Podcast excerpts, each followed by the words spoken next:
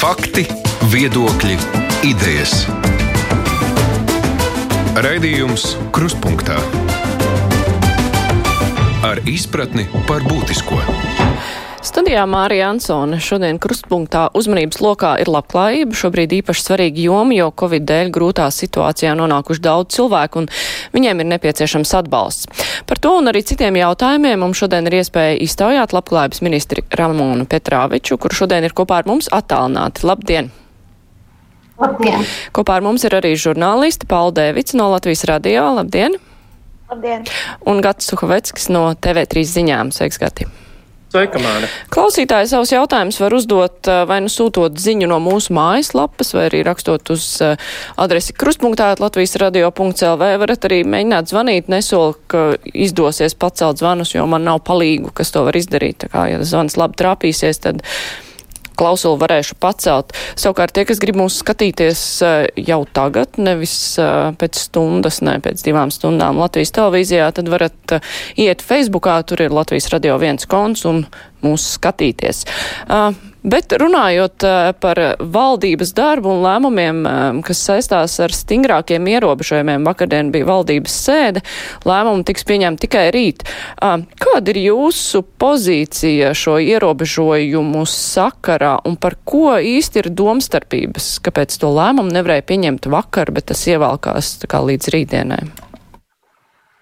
Visiem neapšaubām ir skaidrs, ka ierobežojumiem jauniem ir jābūt. Jo mēs redzam, ka tomēr infekcija izplatās, mēs to īsti ierobežot nevaram ar tām metodēm, kuras šobrīd pielietojam.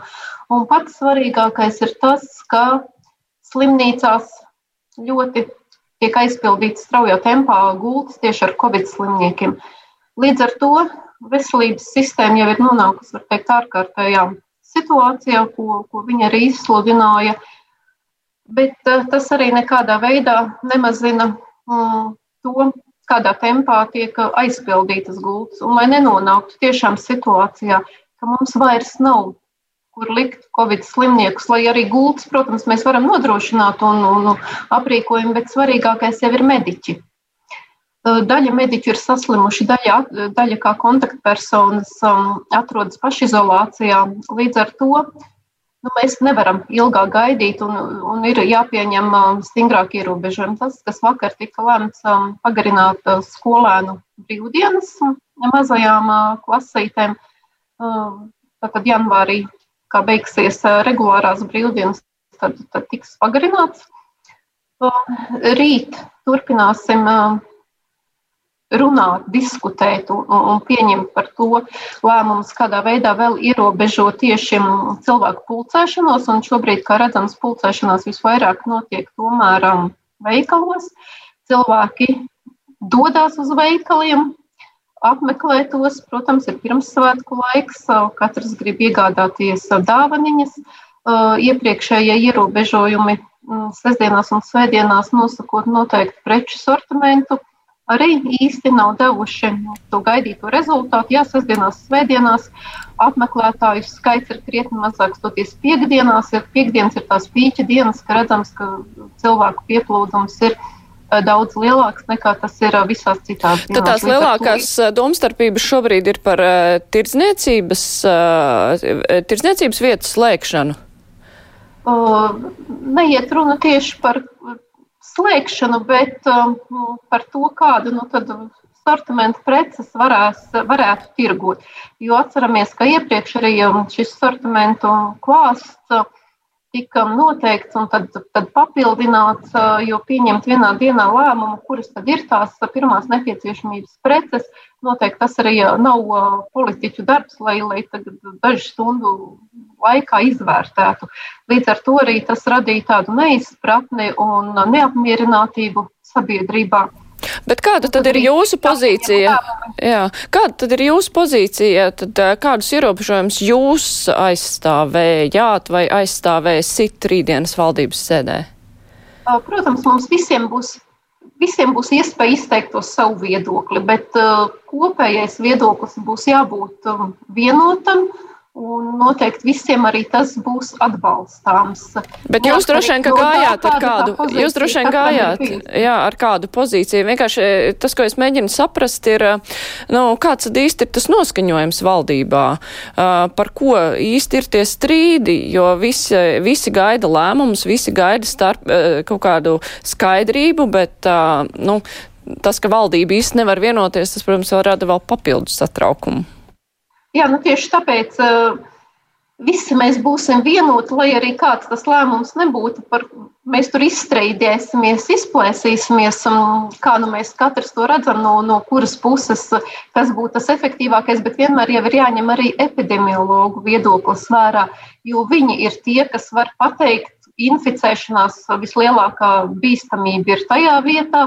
Mums būtu jāierobežo cilvēku plūsma tajā vietā, un, un mēs tikai pēc tā varam vadīties, ne jau pēc savām izjūtām, pēc tā, kas mums ir nepieciešams, kas mums patīk vai nepatīk. Tad vispirms paļaujoties tieši uz speciālistu viedokli. Jā, kolēģi, Pala. Jā, es gribēju jautāt par vecāku pabalstu bērnu pieskatīšanai. Kā es saprotu, tad viens vecāks var saņemt šo pabalstu par vienu bērnu. Un, man interesē, kā tas ir daudz bērnu ģimenēs, vai jūsuprāt, ģimenēs, kurās ir četri, pieci bērni, ir iespējams šo ģimeni uzturēt šajā laikā. Domājat, vecāku vai slimības palīdzības pabalstu? Jūs droši vien domājat slimības palīdzības pabalstu ja bērns, ja ir slēgts bērnu dārzs vai, vai nestrādā skolā, jā, tas ir slimības palīdzības pabalsts.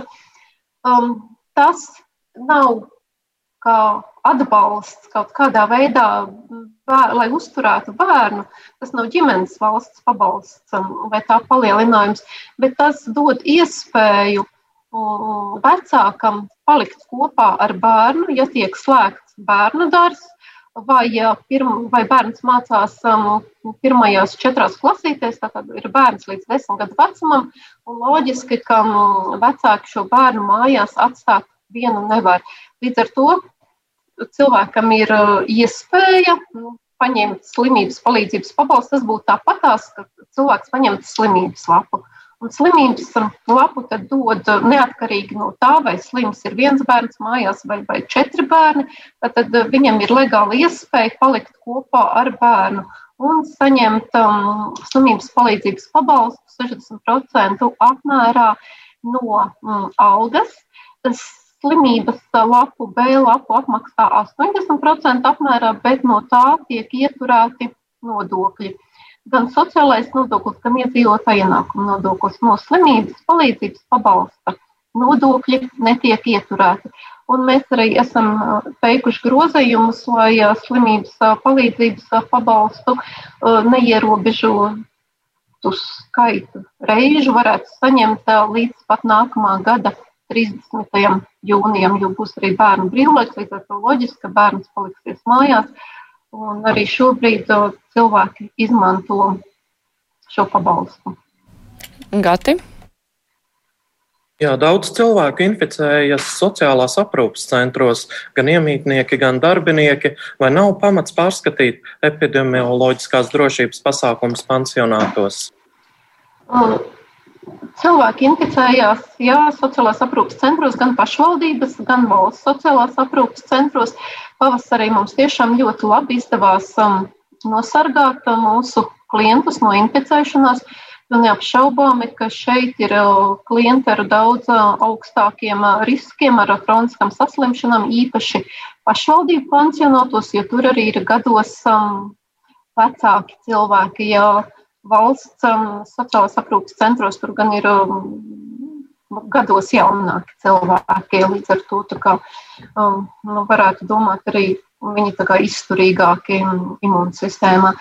Uh, šodien arī es um, pārunāju ar Latvijas valsts sociālās aprūpas um, centra vadītāju par to, kāda situācija ir. Neapšaubām mums ir vadlīnijas un regulāri arī vēlreiz sūtam, atgādinam uh, visus drošības noteikumus, kas jāievēro. Un tik tiešām um, valsts sociālās aprūpes iestādes to arī dara un ievēro, bet kā var novērot, tad inficēšanās notiek um, vairāk tajos um, aprūpas centros, kas atrodas pilsētā. Līdz ar to darbinieki strādā divās darba vietās, un infekcija tiek pārnēsāta no vienas vietas uz otru. Tie aprūpas centri, kas atrodas um, laukos, cilvēki strādā vienā tajā darba vietā, un tur inficēšanās ir nulle. Um, kā arī šodien apliecinājām, uh, Latvijas um, sociālās aprūpas centra vadītāja testi tiek veikti vienreiz nedēļā. Uh, klienti, uh, kam ir konstatēts Covid, daļa ir asimptomātiski, līdz ar to arī ir diezgan grūti novērtēt um, slimības izplatību tikai nu, tīri tā vizuāli vai mērot temperatūru vai, vai, vai no klientu labsajūtas. Uh, tiek nodrošināta ar visiem nepieciešamajiem um, aizsardzības līdzekļiem, gan dezinfekcijas līdzekļiem.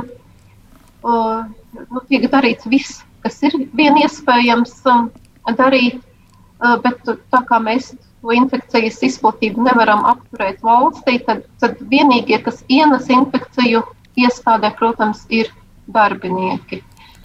Um, ir pienākusi no SPKC jaunākā informācija par uh, saslimšanu. Ir uh, reģistrēti 1023 jauni inficēšanās gadījumi. Tas ir visvairāk vienā dienā konstatētais un ir miruši 25 cilvēki. Uh, kas arī ir nu, tāds, tāda melnā diena vien jau bija, bet, eh, diemžēl, tas atkārtojās un kumulatīvais rādītājs ir 10,3%. Tā kā šie dati, diemžēl, neko labu nestāsta. Bet mums klausītājs arī vaicā par uh, sociālās aprūpas centriem, uh, kā šo darbinieku noslodze tiks apmaksāta, jo reāli ir tā, ka, nu, ja trūks darbinieku, tad viens pilda vairāku darbinieku pienākumus. Nu, un plus vēl ir arī cilvēki, kuri slimi tiek nodarbināti, ja viņiem nav simptomu, un tad viņi ir tā kā gan varētu būt uz slimības lapu, gan arī vienkārši strādā. Jā, ne mēs vien esam tādā situācijā, un tādā situācijā arī līdzīgā ir mediķi. Arī tie, kam ir jāstrādā gan papildus stundas, papildus slodze, izdegšana. Mēs esam um, rosinājuši izmaiņas, noteikt 50% piemaksu pie algas tieši tiem darbiniekiem, kas strādā ar Covid-19 sasirgušajiem klientiem. Mēs finansējam tātad saviem valsts sociālās aprūpas centriem un mūsu līguma organizācijām, savukārt pašvaldību. Pašvaldības esam aicinājuši arī līdzīgi kā mēs to darām, veikt piemaksas tiem darbiniekiem, un tad mēs, kā valsts, kompensēsim pašvaldībām pusi no tās piemaksas. Tātad, ja viņi piemaksā 50% pie algas, tad no tiem 50% pusi mēs, kā valsts, nākam ar, ar savu līdzdalību. Līdz ar to arī aicinu pašvaldības tiešām novērtēt darbiniekus, kas šobrīd ir Um, nu, tiešām tas resurss ir uh, ļoti svarīgs, lai mēs varētu nodrošināt um, aprūpu un pakalpojumu sniegšanu nepārtraukti. Kolēģi Paula. Jā, um, pierēzes jautāšu, kā jūs uh, ilgtermiņā plānojat uh, stiprināt šo sociālo pakalpojumu nozari un risināt cilvēku resursu krīzi? Tas bija domāts par, tieši par pansionātiem, vai jūs domājat? Sociālo pakalpojumu nozari, sociālai dienai bāriņties un tā tālāk? Bāriņtiesām tātad veidojot jaunos novadus, līdz ar to arī bāriņtiesu skaits samazināsies līdz nu, tādam skaitlim, kā būs, kā, kā, kā būs novadi. Bāriņtiesu darbiniekiem arī no 1. janvāra stājās spēkā jaunie noteikumi, kas jau nu, bija pieci gadi iepriekš zināms, nepieciešamais izglītības līmenis, kāds būs nepieciešams, lai varētu strādāt bāriņtiesā par, par, par vadītāju vai bāriņties locekļiem. Attiecībā uz sociāliem dienestiem nemitīgi jau notiek dažāda veida apmācības, sadarbības ar, ar sociāliem dienestiem. Ministrija ir izstrādājusi vairākas metodikas gan darbam ar ģimenēm, ar bērniem, darbam ar um, vardarbībā veikušām un vardarbībā cietušām personām, ar personām, kas ir ar dažāda veida atkarībām, ar personām ar garīgu raksturu traucējumiem. Projekts turpinās, un tāpat tās tiks nodrošinātas supervīzijas, lai tiešām celtu darbinieku profesionālo līmeni, bet arī brīdi atpakaļ arī sūtīju vēstules pašvaldību vadītājiem ar aicinājumu atbalstīt, novērtēt uh, savus um, sociālos darbiniekus, jo viņiem algas maksā pašvaldība. Un ir ļoti daudz pašvaldības, kurā algu izmaksas skala nav sasniegusi 100%. Līdz ar to šeit ir iespēja tiešām Um, nodrošināt algu pieaugumu, vismaz lai tā alga sasniegtu 100% no, no pieļaujamās skalas atkarībā par, par mēneša algu grupām, kāda katrai grupai ir noteikts uh, šis uh, limits atalgojumu.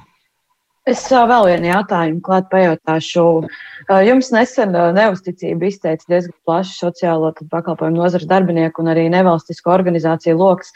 Kā tad ir tagad, vai jūs esat diskutējuši ar viņiem, vai esat nonākuši pie kāda kopsaucēja kompromisa? Jā, mums tieši šodien uh, ir pirmā tikšanās, un uh, otra ir piekdiena. Nu, diemžēl tikšanās arī um, nenotiks klātienē, uh, bet gan tiešsaistē. Uh, bet tik līdz uh, nu, mums būs tāda iespēja tikties klātienē. Es vēlreiz tieši ar katru no šīm organizācijām tikšos klātienē, lai pārunātu tās uh, problēmas, uh, nu, ko, ko viņi katrs saskata. Arī mēs viņiem aiz, aizrakstījām vēstuli ar, uh, ar atbildi uz tiem jautājumiem, uh, kādi, kādi, kādiem viņiem bija radušies. Nu, un uh, tad šodien droši vien izkristalizēsies um, īsti tās problēmas, ko viņi saskat no savas puses, kāda vairāk būtu vajadzīga, varbūt tas viņa iesaista ministrijas darbā, komunikācija, kā viņi saskata, varbūt tas, kur ir uh, tie trūkumi uh, bijuši, kādu vajadzētu vairāk vai plašāk, bet arī dodoties reģionālajās vizītēs, es vienmēr tiekos arī ar sociālo dienestu vadītājiem, lai um, uzklausītu viņu ieteikumus. Tāpat arī sociālo pakalpojumu um, minimālais grozs, kas tiek izstrādāts, tas ir tieši no sociālo darbinieku ieteikumiem, lai viņiem būtu vieglāk strādāt, uh, lai, uh, kā viņi norādīja, dažkārt pašvaldība, ja viņiem ir nu, kāds problēma jautājums, īsti nezinot, kur likt, nu, tad to, to atdod uh, sociālajiem dienestam, lai tie tiek ar viņu galā. Un tāpat tās neapmierinātība arī no iedzīvotāju puses, ka uh, visā Latvijā uh, nav iespējams saņemt um, nu, viens un tos pašus pakalpojumus, neatkarīgi no tās um, vietas, kur cilvēks uh, dzīvo. Tā tad arī šeit uh, gada beigās jau ir uh, darba grupa beigs uh, izstrādāt šo, šo pakalpojumu grozu, ko tad arī pēc administratīva teritoriālās reformas varēs ieviest. Bet saistībā ar uh, sociālo dienestu pakalpojumiem uh, tagad um, Covid krīzes laikā pirms apmēram stundas mēs sazinājāmies ar reģionālā laikraksta tukuma, neatkarīgās tukuma ziņas žurnālistu, un viņi stāstīja, ka nu, tur pašvaldībās ir ļoti dažāda situācija, kā vispār tiek sniegts atbalsts cilvēkiem, kuri ir vai nu paši saslimuši ar covid vai dzīvo vienu, un viņiem nav neviens, kurš palīdz, un ka ir tādi sociālie dienesti, kuri nu, viņi gaida, viņi pat, viņi pat nereaģē uz to, ka kādi e, kaimiņi ziņo, ka tur cilvēks ir nelaimē noticis, viņam ir jāpalīdz. Nē, viņi formāli gaida, man vajag iesniegumu un paši proaktīvi neko nedara, lai palīdzētu cilvēkiem. Un cilvēku kopumā ir tādā neziņā, ko viņi vispār var gaidīt no sociālā dienesta vai ministrija var kaut kā sniegt kaut kādas kopīgas vadlīnijas, nu kā iesaistīties, kā palīdzēt. Mēs Bet tā proaktīvi. Tiešām, uh, nemitīgi sūtam uh, vēstules ar, ar ieteikumiem, uh, kādā veidā krīzes situācijā monitorēt situāciju, gan kas notiek ģimenēs ar bērniem, kur riski varētu būt, gan apzināt šos vientuļos cilvēkus, kas ir vien jau pašvaldība, jau ir vistuvāk, lai tiešām viņi zinātu, un tas cilvēks nepaliek bezpalīdzīgā situācijā, jo nevienmēr kaimiņi būs tur blakām, kas, kas varēs paziņot. Nu, šajā situācijā tik tiešām sociālais dienests ir, ir, ir tas vienīgais, no kā cilvēks var gaidīt un, un saņemt palīdzību. Ja viņš netiek no mājas, varbūt pēc maizītes ārā, lai viņam būtu tik tiešām kas piegādā bērni arī šobrīd iespējams ir pat ārzemēs un, un nevar pie tā cilvēka tikt. Un, un, un nav jau atļauta arī nekāda pulcēšanās vai viesošanās tik vien kā, ja tiešām cilvēks ir bezpalīdzīgā situācijā viens un kopjams, tad, tad, tad ir atļauts, ka pie tā cilvēka var kāds ierasties un sniegs viņam to palīdzību. Nodrošinot ar pārtikas precēm vai, vai nepieciešamo apkopšanu, kas cilvēkam ir vajadzīga. Tā kā varam vēlreiz uh, uzrunāt arī šodien, kad būs tikšanās ar sociālo dienestu vadību, tad atgādināt tik tiešām, lai šajā laikā pievērš vislielāku uzmanību tiem cilvēkiem, kas ir vieni un, un, un atrodas bezpalīdzīgā situācijā. Tāpat tas arī krīzes pabalsts turpinās izmaksāšanu, jo tad cilvēks kurš uh, ir palicis bez iztikas līdzekļiem, tad, tad ir uh, jāgriež sociālajā dienestā un, un jālūdz pēc krīzes pabalsta un pašvaldībām. Nu, ir um, vismaz pavasarī tas ļoti veiksmīgi tika risināts un, un, un sūdzību par to nesaņēmām. Un arī jau mm, viņi norādīja, ka ļoti laba sadarbība ar, ar ministriju bez jebkādiem uh, birokrātiskās slogas tas viss noritēja. Jā, kolēģi Gati. Jā, daļai paturpinot, ko Māra jau vaicāja, Covid krīzē ieilgstot, vai labklājības ministrijas darba kārtībā ir iespējams kādi jauni risinājumi, lai nepieciešamības gadījumā iedzīvotājiem sniegtu sociālo atbalstu? Ja tātad, kā jau es teicu, mēs, ko darām, tiešām atgādinām vēlreiz sociālajiem dienestiem, jo, jo viņi jau ir tie, kas sniedz. Mēs jau kā ministrija nevaram apzināt tos cilvēkus, kuriem tā palīdzība ir nepieciešama. To tikai katra pašvaldība var izdarīt. Viņi zina tos cilvēkus, uh, kuri ir vientuļi, uh, kuros ir uh, kādi riski, vai tur vardarbības riski tie varētu būt. Viņiem tie cilvēki ir tiešām nu, jātur savā redzeslokā, lai to palīdzību saņemtu. Es domāju, mēs varbūt... to, ko varam darīt, un ko mēs darām, kā es teicu, krīzes pabalste, kur, kur arī mēs piedalāmies ar, ar līdzfinansējumu um, uh, tiem cilvēkiem, kuri strādā ar uh, Covid klientiem. Tur valsts nāk ar savu līdzfinansējumu. Un, un, un pārējais, pārējais atbalsts jau ir, kas ir ar uh, nodarbinātības valsts aģentūru vai, vai, vai no ekonomikas ministrijas. Um, tas ir, tas ir jau cits sadaļa.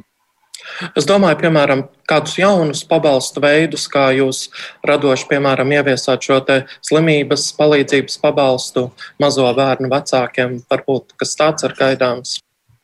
Turpināsies tāpat, kā tas bija pavasarī.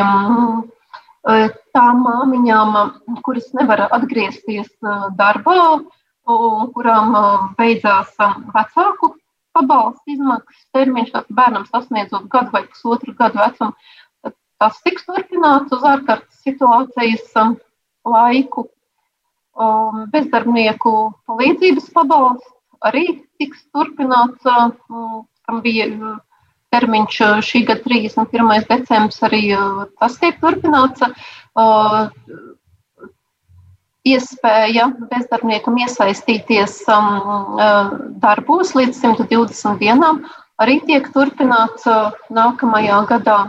Tātad tie, kas arī pavasarī, kas bija ieviesti. Bet um, jā. mums klausītāji vaicā par uh, bezdarbniekiem. Viņa pati bija bezdarbniece un uh, vasarā divus mēnešus nostrādāja. Tad sākās tas Covid vilnis, viņa darbu zaudējusi, bet uh, viņa nevar pieteikties tagad uz bezdarbnieku pabalstu. Tāpat arī ir daudz cilvēku, kuri pavasarī zaudēja darbu un kuri aizgāja uz bezdarbnieku pabalstu, un tagad viņi nu, nekādīgi nevar atrast uh, darbu. Kā ir paredzēts palīdzēt viņiem? Pirmais gadījums, ko jūs teicāt, ja strādāja divus mēnešus, tad ir noteikts, ka uz 120 dienām var apturēt bezdarbnieka pabalsta izmaksu, un cilvēks var strādāt un pēc tam to atjaunot. Bet, protams, lai visprecīzāk atbildētu tieši uz tādiem konkrētiem jautājumiem, nu, tu, tur ir jāvērš nodarbinātības valsts aģentūrā, lai tad var redzēt to pilno ainu un, un katru gadījumu izanalizēt. Šobrīd mēs varam runāt par vispārīgām lietām, bet neizanalizējot, neredzot uh, gan nostrādāto kopējo laiku. Tas ir ļoti, nu jā, tas ir ļoti konkrēts gadījums, bet runājot par cilvēkiem, kuri šajā Covid krīzē cieta jau pavasarī un tās nozars, kuras lāgā neatkopās arī vasarā, viņi arī nekvalificējas šim te valdības piešķirtajam atbalstam, gan par dīkstāvus pabalstiem, gan algu subsīdijām, un viņi jūtas pavisam bezizējā, jo viņi viņi neko nevar dabūt, lai gan viņi ir cietuši jau visvairāk un jau ir cietuši kopš pavasara, un tur ir cilvēki, kuri strādāja un kuri nevar vairs atrast darbu. Jā, tātad ekonomikas ministrija ir izstrādājusi atbalsta mehānismu gan apgrozāmiem līdzekļiem, gan subsidētām darbvietām, gan dīkstāves pabalstiem. Un Tur tas atskaites punkts tiek eh, ņemts eh, augusts, septembris, oktobris, kāds apgrozījums ir tad bijis, un tad ņemot vērā, kāds ir, ir bijis um, kritums um, 20 vai 50% apmērā, un no tās nozares var pieteikties um, arī uh, atbalstam. Uh, bet uh, ir, protams, nozars, kas aizvērās un beidza savu darbību jau pavasarī. Uh, Nu, līdz ar to mēs arī nekāpjamies atpakaļ uz to, kāds, kāds apgrozījums bija pagājušajā gadā, jo līdz ar to visi tie, kas aizvērās un beidza savu darbību, nu, viņi būtu tādā neapskaužamā situācijā, viņi saprast, ne, mēs jau varējām nevērties, gaidīt, sagaidīt atbalstu. Bet ko tad viņiem darīt? Tie, kas tomēr grib kaut kā turpināt, un tur gal galā strādāja cilvēki, kuriem ir eh, jāēd, un kādam atbalstam tad viņi kvalificējas? Jā, jo nu, ir jāsaprot, ka nebūs vairs tā kā bija, un, un visi nespēs, tie, kas jau ir aizvārušies, nu, viņi nespēs atjaunot šo savu darbību ne šogad, ne arī visticamāk nākamajā gadā. Līdz ar to nu, nevajadzētu gaidīt uz kādu brīnumu, ka tiešām no vienas dienas viss atjaunosies tādās sliedēs, kā tas bija. Bet Nodarbinātības valsts aģentūra arī piedāvā pārkvalifikācijas kursus, nevajag cilvēkiem dot viltus cerības, um, liekot viņus uz dīkstāves pabalstiem un maldinot, ka nu, tomēr tūlīt tā situācija mainīsies un jūs būs apakaļdarbs izvērtējot tiešām, kas, tur, kas varēs turpināt strādāt, bet nu, kas, kas vairs ne tāpat tās arī viss viesnīcas noteikti, ka neatgriezīsies um, uh, tirgu un, un, un tas turistu pieplūdums nebūs tik liels, lai viss varētu atsākt darbību. Tā kā cilvēkiem ir noteikti jāmeklē um, citas, citas darba vietas un, ja nepieciešams. Jūs prāt, šobrīd to ir viegli izdarīt? Tagad, nu, tādā vispārējas uh, krīzes apstākļos. Šajā situācijā, protams, nevienam nav viegli. Šajā krīzē nu, ir cietusi ja ne katra ģimene, nu, tad katra otrā ģimene pavisam noteikti, kā to rāda um, aptaujas un, un, un statistika. Un situācija nav tikai šeit, mums Latvijā. Tāda, tāda, tāda tā ir principā visā pasaulē. Un to, ko dara valdība, tad meklē tiešām tos, ko mēs varam atbalstīt, lai uzņēmumi nenolikvidētos, lai saglabātu darba vietas. Nu, tas ir tas, ko, ko mēs varam darīt. Labi, es atgādināšu klausītājiem un Latvijas televīzijas skatītājiem, ka šodien kopā ar mums ir labklājības ministra Ramona Petrāviča, arī žurnālisti Paula Devits no Latvijas radioziņu dienēst un Gats Suhaveckis no TV3 ziņām. Raidījums Krustpunktā. Mums klausītāji ļoti, ļoti, ļoti aktīvi zvana. Es mēģināšu vienu zvanu pieņemt. Halo! Halo! Man konkrēts jautājums ministrē. Jā, lūdzu. Par pensionāru pensiju neapliekamo minimumu, lai viņa konkrēti atbild, kad beigsies šitas absurds. Ja esmu nostrādājusi 47 gadus, maksājusi visu laiku nodokļus, un tagad man no tādas nieka vien pensijas, atkal jāmaksā nodokļi. Kad vienreiz to neapliekamo minimumu noņems? Bet lūdzu atbild viņa konkrēti. Mhm. Jā, tātad um, dažkārt arī izskan, ka pensionāri jau ir samaksājuši uh, nodokli tajā brīdī, uz, uh, kad tiek veiktas sociālās iemaksas. Uh, bet tad es gribētu paskaidrot, tātad saņemot algu vispirms tiek atskaitītas sociālās iemaksas, un tās netiek ne ar kādu citu nodokli apliktas. Pēc tam no atlikušās summas tiek piemērots iedzīvotāja ienākuma nodoklis. Neapliekamais minimums no nākamā gada tiek celts par 30 eiro pensionāriem. Gribu teikt, ka pensijas, vidējā pensija ir 380 eiro. Tad lielai daļai pensionāru ceļot neapliekamo minimumu, tas nekādā veidā neietekmē viņu pensijas apmēru, jo pensija ir zem tā līmeņa, kāds ir noteikts uh, kā neapliekamais minimums.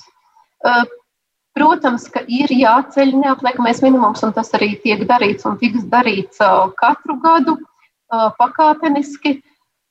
Ir pensionāri, kuri saņem arī ļoti lielas pensijas, un droši vien tajā brīdī, kad arī viņiem vairs nebūtu jāmaksā iedzīvotāja ienākuma nodoklis, droši vien arī būtu neapmierinātība.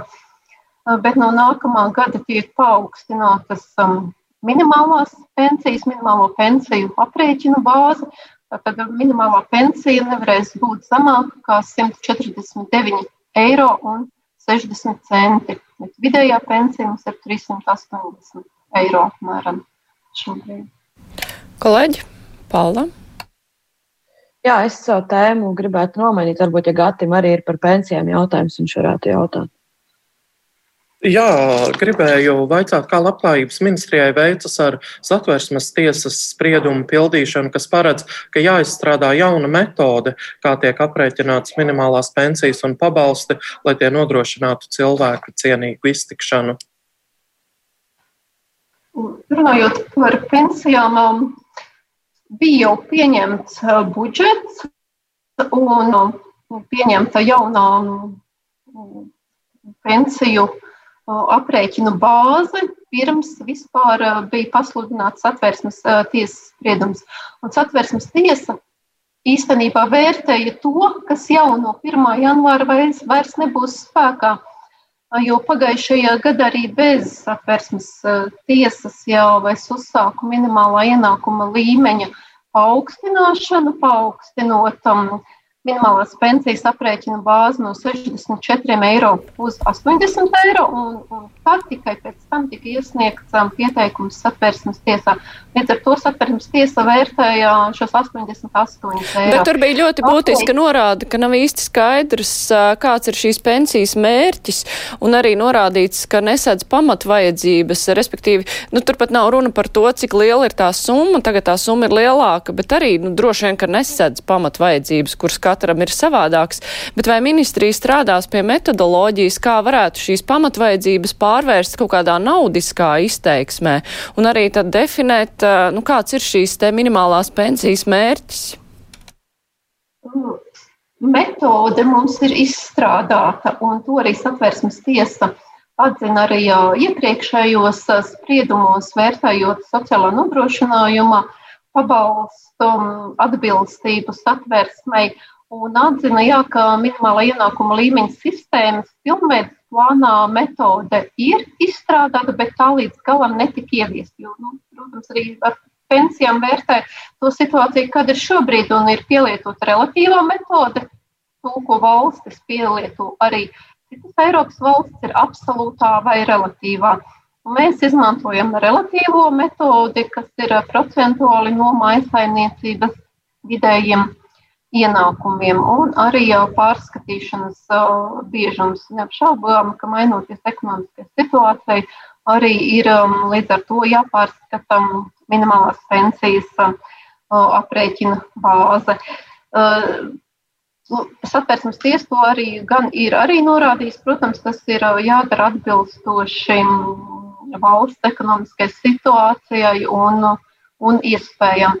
Tas, ko Pensionāru federācija ir norādījusi ceļot, neapliek ceļot minimālo pensiju un to darot strauji. tas izraisa atkal pretreakciju no tiem pensionāriem, kuri tiešām to pensiju ir nopelnījuši strādājot, ilgus gadus strādājot.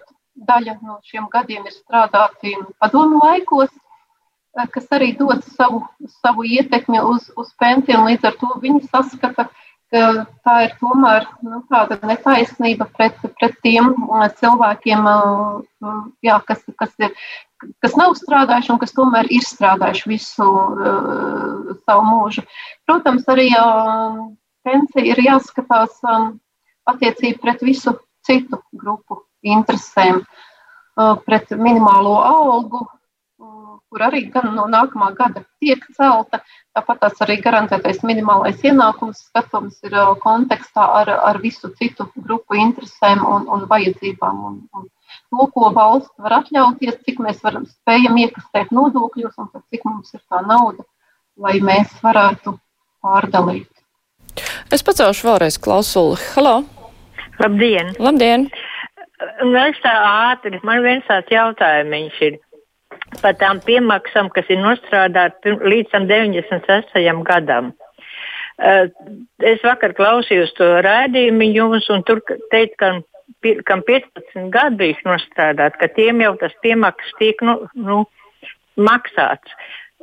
Un, un, un palielināja uz eiro 50. Man tādā laikā, 98. gadā, bija 50 gadi palika un nostrādāti 30 gadi un man nepalielināja, kā palika tas viens eiro, tā palika.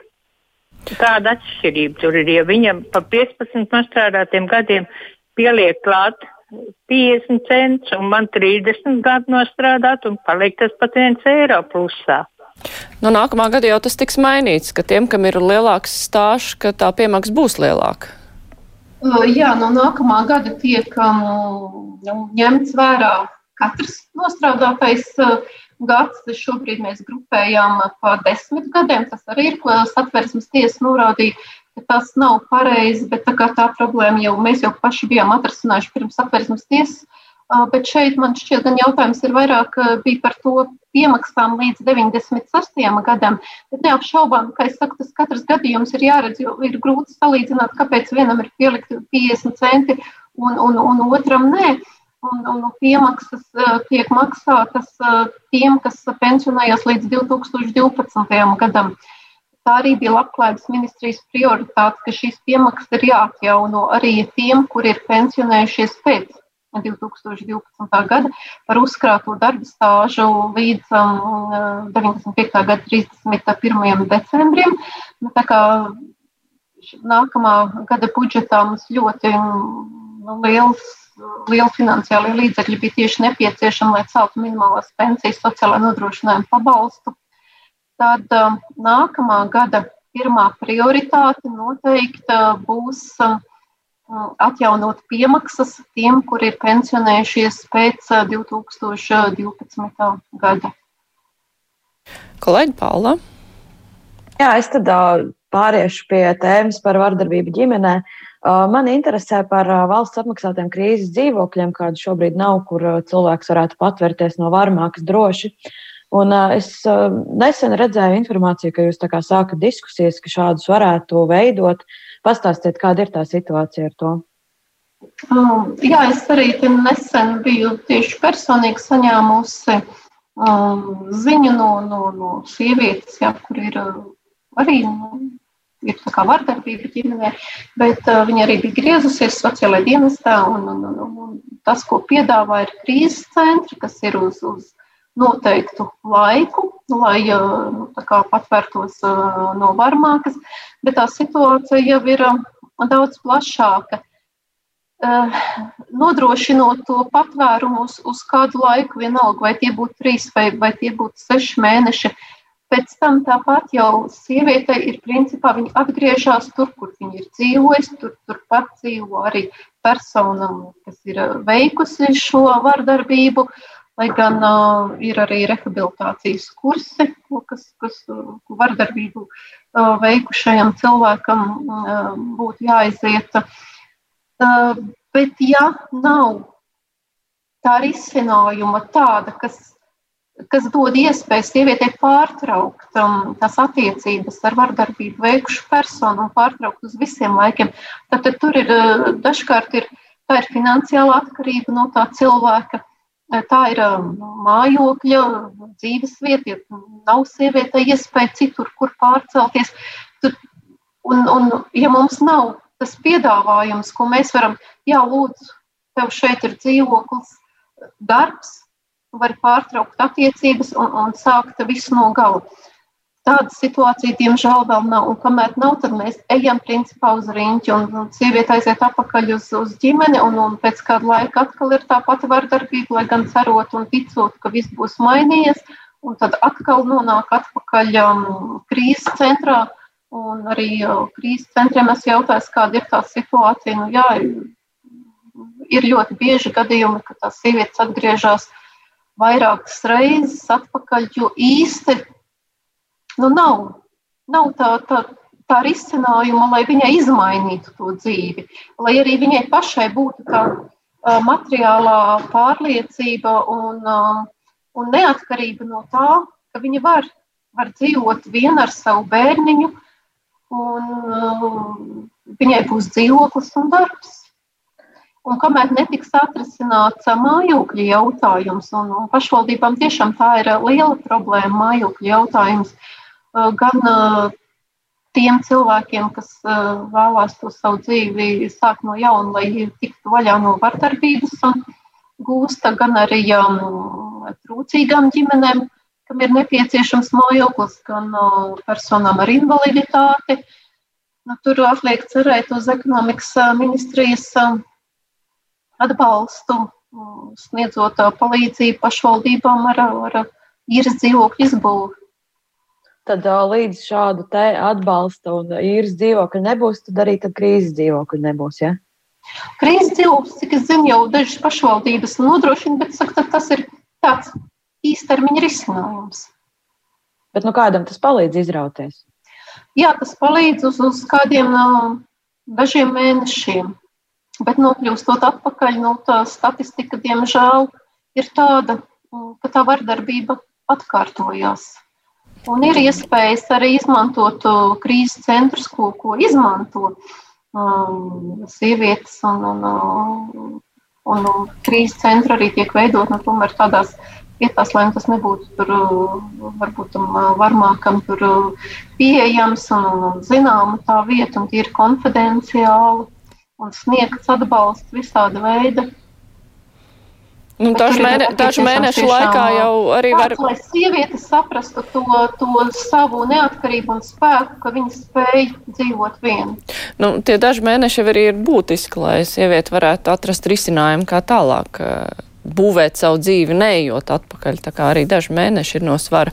Bet uh, klausītājs uh, vaicā, vai taisnība, ka visiem redzes invalīdiem būs jāatskaitās par asistentu sniegtiem pakalpojumiem? Ja tā, tad kā lai atskaitās par to?